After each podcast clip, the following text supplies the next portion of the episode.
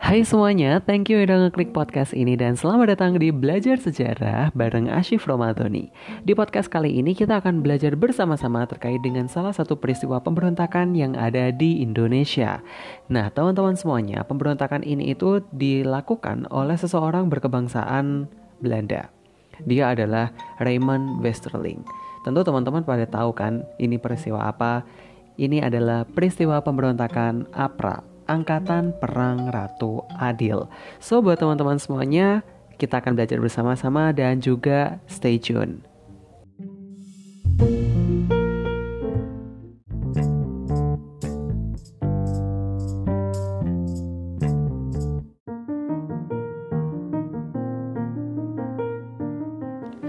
Angkatan Perang Ratu Adil Ya dari namanya aja sih maknanya udah kayak ini bala tentaranya si Ratu Adil nih ya. Nah, emang Ratu Adil tuh siapa sih, gengs gitu kan? Pasti teman-teman di sini akan bertanya, siapa sih Ratu Adil itu dan kenapa sih kok bisa-bisanya si Ratu Adil tuh melakukan sebuah gerakan pemberontakan gitu kan di Indonesia gitu kan? Kenapa sih nggak uh, si Dua Ratu atau Ratu Tawon atau Ratu Tawon malah ujungnya kayak nama penyanyi dangdut ya? atau mungkin kayak Dua Ratu gitu tapi Dua Ratu juga udah bubar ya nggak sih Maya Estianti juga udah nggak klop lagi sama Mulan Jamila. Malah kembali ke situ. Tapi teman-teman semuanya Angkatan Perang Ratu Adil ini merupakan sebuah gerakan yang ini diinisiasi oleh Kapten Raymond Westerling. Nah Kapten Raymond Westerling ini merupakan seorang uh, tentara uh, berkebangsaan Belanda. Nah jadi si Westerling ini dia itu merupakan uh, salah satu pimpinan gitu kan karena pangkatnya adalah kapten gitu kan dari Kenil. Nah, Kenil itu merupakan uh, semacam tentara kerajaan Belanda yang ada di Indonesia. Nah, jadi si Westerling ini membentuk sebuah angkatan perang. Nah, angkatan perang itu namanya Angkatan Perang Ratu Adil. Nah, kenapa sih namanya Ratu Adil? Karena memang uh, ada sebuah kepercayaan terhadap ramalan tertentu. Nah, ramalan ini namanya ramalan jangka Jayabaya gitu kan. Pasti teman-teman udah pada tahu kan jangka Jayabaya itu apa gitu kan. Bukan jangka sorong atau jangka yang buat apa namanya kayak uh, buat bunderan gitu loh, nggak kayak gitu. Tapi jangka Jayabaya itu adalah ramalan dari uh, Jayabaya. Nah, Jaya, Jayabaya sendiri belibet banget sih Jayabaya sendiri itu merupakan salah satu raja dari kerajaan Kediri. Nah, Jayabaya ini merupakan uh, raja yang paling terkenal di kerajaan Kediri dan dia dikenal sebagai ahli nujum atau tukang ramal. Nah, dalam ramalan si Jayabaya ini uh, beliau mengungkapkan bahwa Nusantara gitu kan, Nusantara atau wilayah ini gitu kan, wilayah Indonesia yang saat ini itu akan uh, mencapai puncak keemasan dan juga mencapai puncak keadilan keadil-adilannya itu adalah saat dipimpin oleh seseorang Ratu Adil. Nah, siapakah Ratu Adil itu? Nah, Ratu Adil itu belum terungkap sampai sekarang nih, teman-teman. Atau mungkin juga kita mengalami apa namanya uh, Ratu Adil itu atau tidak, tapi kita tidak tahu. Yang jelas dari kepercayaan itulah, kepercayaan terhadap sebuah ramalan ini, maka si Westerling ini itu membentuk sebuah angkatan perang yang namanya Angkatan Perang Ratu Adil. Artinya apa? Artinya ya angkatan perang ini ya tujuannya untuk melindungi Ratu Adil. Nah, siapa si Ratu Adil itu sebenarnya? Nah, Ratu Adil ini uh, ada beberapa sumber yang mengatakan bahwa Ratu Adil itu ya uh, Presiden Soekarno tentu saja gitu kan atau mungkin dari uh, pimpinan atau wali dari negara Pasundan. Nah, negara Pasundan ini merupakan negara uh, apa namanya negara bagian Republik Indonesia Serikat yang ada di uh, Jawa Barat, teman-teman.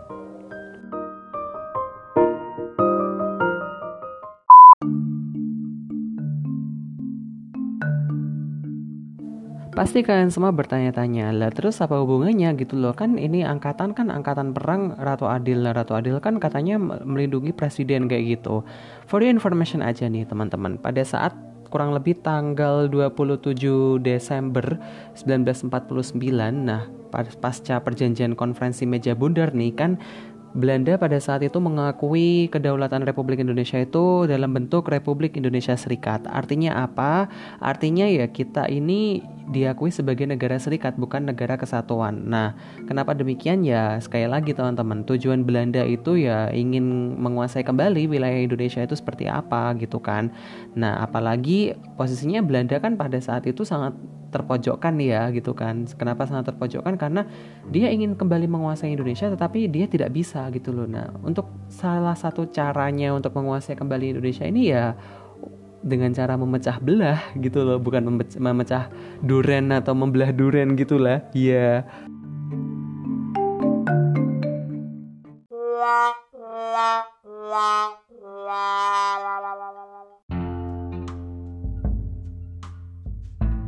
Nah, secara nggak langsung dalam perjanjian itu kan mengubah sistem negara Republik Indonesia yang dulunya kita adalah negara kesatuan gitu kan, negara kesatuan Republik Indonesia berubah menjadi Republik Indonesia Serikat. Nah, berubahnya itu udah kayak berubah Power Ranger atau gimana gitu kan? Enggak enggak kayak gitu. Tapi mau tidak mau pasca perjanjian tersebut itu kan Indonesia harus berbenah gitu kan. Karena ya mau tidak mau harus menaati perjanjian tersebut gitu kan. Kan ini istilahnya kayak perjanjian damai gitu kan antara Indonesia sama Belanda. Nah pada saat uh, sebelum menjadi RIS atau Republik Indonesia Serikat, kita itu Indonesia itu punya angkatan perang tersendiri. Angkatan perangnya itu adalah TNI atau Tentara Nasional Indonesia. Nah, teman-teman, karena uh, kita itu sudah berubah menjadi RIS gitu kan, Republik Indonesia Serikat, secara mau nggak mau itu TNI juga harus berganti nama gitu kan. Namanya adalah Angkatan Perang Republik Indonesia Serikat atau APRIS. Nah, For your information aja nih teman-teman, pembentukan APRIS ini sendiri itu ternyata tidak disetujui oleh beberapa kalangan terutama di beberapa wilayah-wilayah negara bagian. Salah satunya adalah negara bagian Pasundan. Nah, negara bagian Pasundan ini adalah uh, di Jawa Barat sekarang ini. Nah, apalagi pada saat itu juga uh, si Captain Raymond Westerling ini secara tegas dan secara menolak secara terang-terangan dia tidak setuju untuk uh, kalau pemerintah itu membentuk sebuah angkatan perang Republik Indonesia Serikat itu di Jawa Barat. Apalagi pada saat itu kan Jawa Barat masih uh, berbentuk sebagai negara bagian Pasundan. Nah, basis dari pasukan APRIS ini tuh uh, apa? Pasukan dari divisi Siliwangi. Jadi itu kalau uh, divisi Siliwangi itu semacam kayak kalau di Jawa Tengah gitu kan, di Jawa Tengah itu uh, resimennya itu namanya resimen uh, divisi Diponegoro gitu kan. Kalau uh, di Jawa Barat itu adalah divisi Siliwangi kayak gitu. Nah, jadi kurang lebih kayak gitu teman-teman. Nah, jadi karena hal ini gitu kan, APRA yang ingin apa namanya ingin melindungi kedaulatan dari Jawa Barat gitu kan karena kan si Westerling itu udah membentuk APRA. Nah di sini tuh APRA itu malah ingin bahwa keberadaan negara Pasundan ini itu dipertahankan menjadi uh, negara negara tersendiri di Jawa Barat gitu kan. Sehingga apa teman-teman? Sehingga ya uh, di Jawa Barat sendiri di Pasundan sendiri itu ya nggak usah ada apris mending apra gitu kan. Nah dari hal itulah ya mengakibatkan banyak terjadi konflik di mana-mana di wilayah Pasundan itu sendiri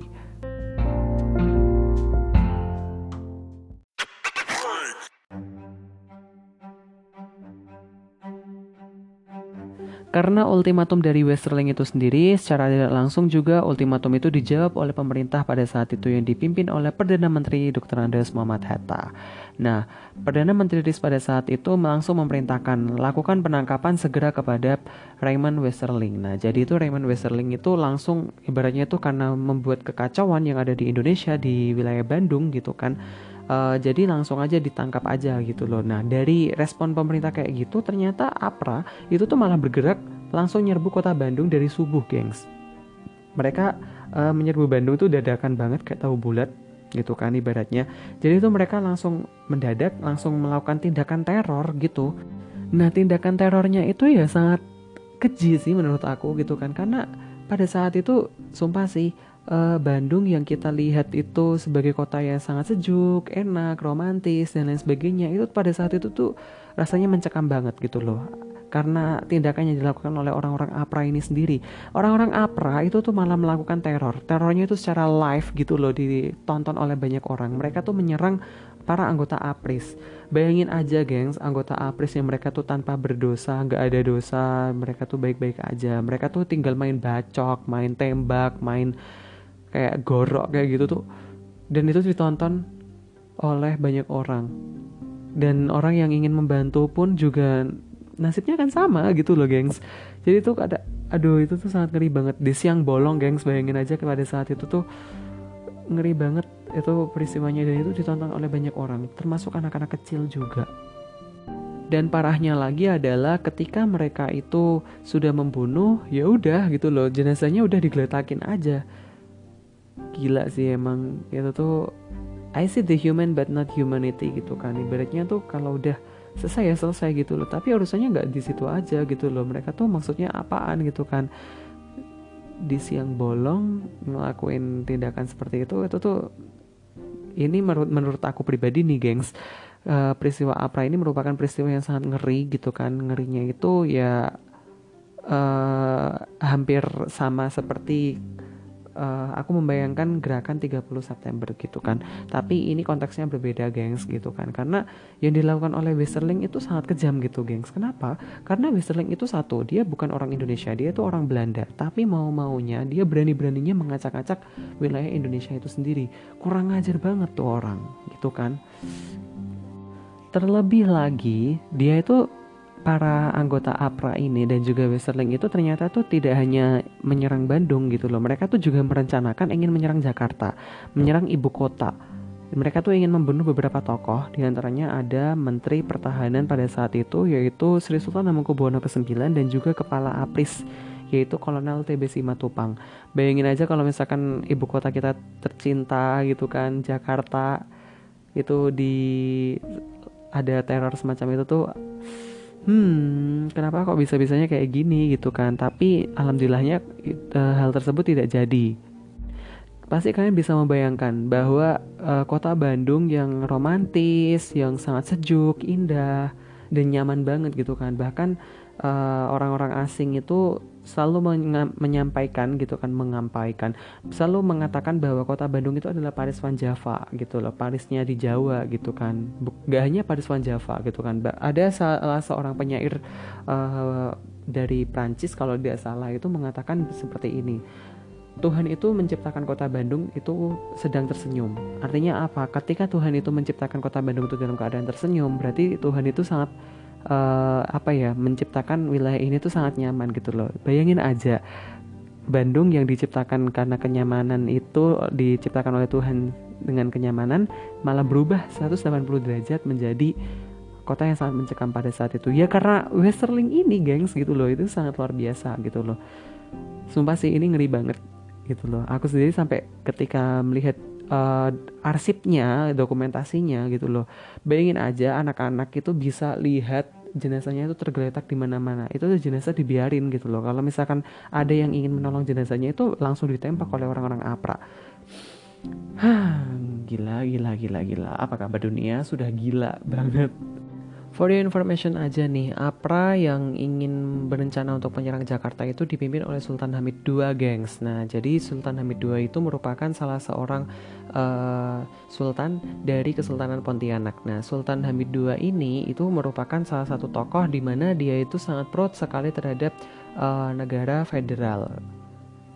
Tapi sekali lagi rencana APRA itu yang ingin menyerang kota Jakarta, ibu kota kita itu gagal, gengs. Nah, Terus dari beberapa hal tersebut ternyata uh, pemerintah itu langsung melakukan upaya penumpasan terhadap gerakan dari Angkatan Perang Ratu Adil itu sendiri. Nah, jadi pemerintah di situ sendiri kemudian mengirimkan bala bantuan ke Jawa Barat gitu kan.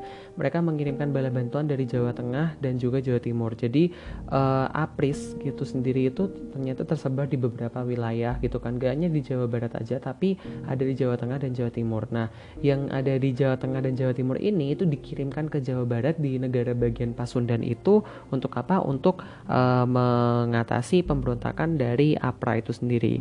Dan dalam waktu yang bersamaan juga pada tanggal 4 April 1950 ternyata da salah satu dalang dari uh, angkatan perang Ratu Adil ini yaitu Sultan Hamid II yang dia itu punya rencana untuk menyerang Jakarta untuk menyerang beberapa tokoh, membunuh beberapa tokoh itu berhasil ditangkap, gengs. Nah, dari beberapa hal inilah si dalang yang sebenarnya ini, si orang Belanda ini yang namanya Raymond Westerling itu malah melarikan diri gitu loh ke Belanda. Dia tuh malah kembali ke Belanda.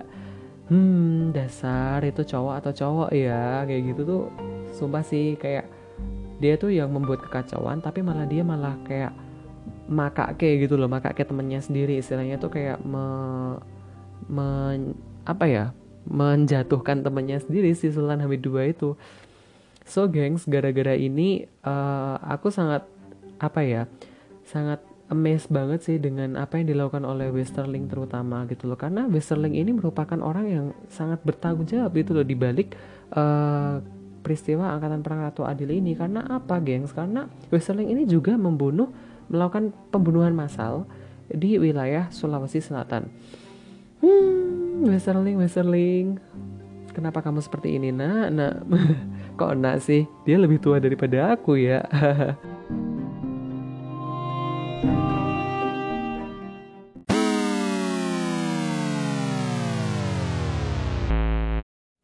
So, gengs, itu tadi adalah peristiwa Angkatan Perang Ratu Adil yang dikomandani oleh Raymond Westerling. Jadi menurut aku di sini teman-teman uh, bisa langsung apa ya menafsirkan gitu kan apa yang kiranya harus kita lakukan biar ini tuh gak terjadi lagi gitu loh.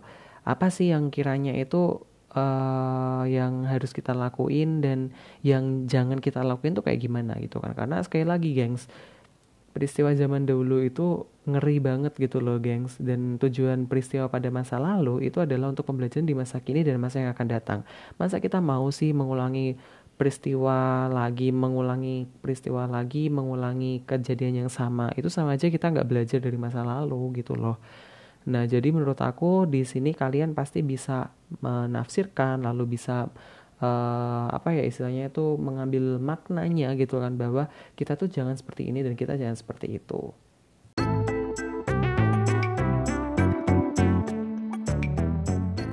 So thank you banget yang udah ngeklik podcast ini dan mendengarkan aku dalam seri belajar sejarah bareng Ashif Romadoni. Jangan lupa untuk follow Instagram aku di @ashifromadoni dan juga at Facebook aku mungkin di at, uh, Ashif Awaludin Romadoni dan mungkin bisa follow LinkedIn aku di Ashif Awaludin Romadoni. So buat kalian semuanya yang ingin belajar di rumah dan juga uh, ingin mendengarin aku cerita sejarah lagi gitu kan stay tune aja insya Allah aku bakalan upload beberapa konten-konten menarik untuk uh, belajar di rumah buat kalian semuanya. Sehat selalu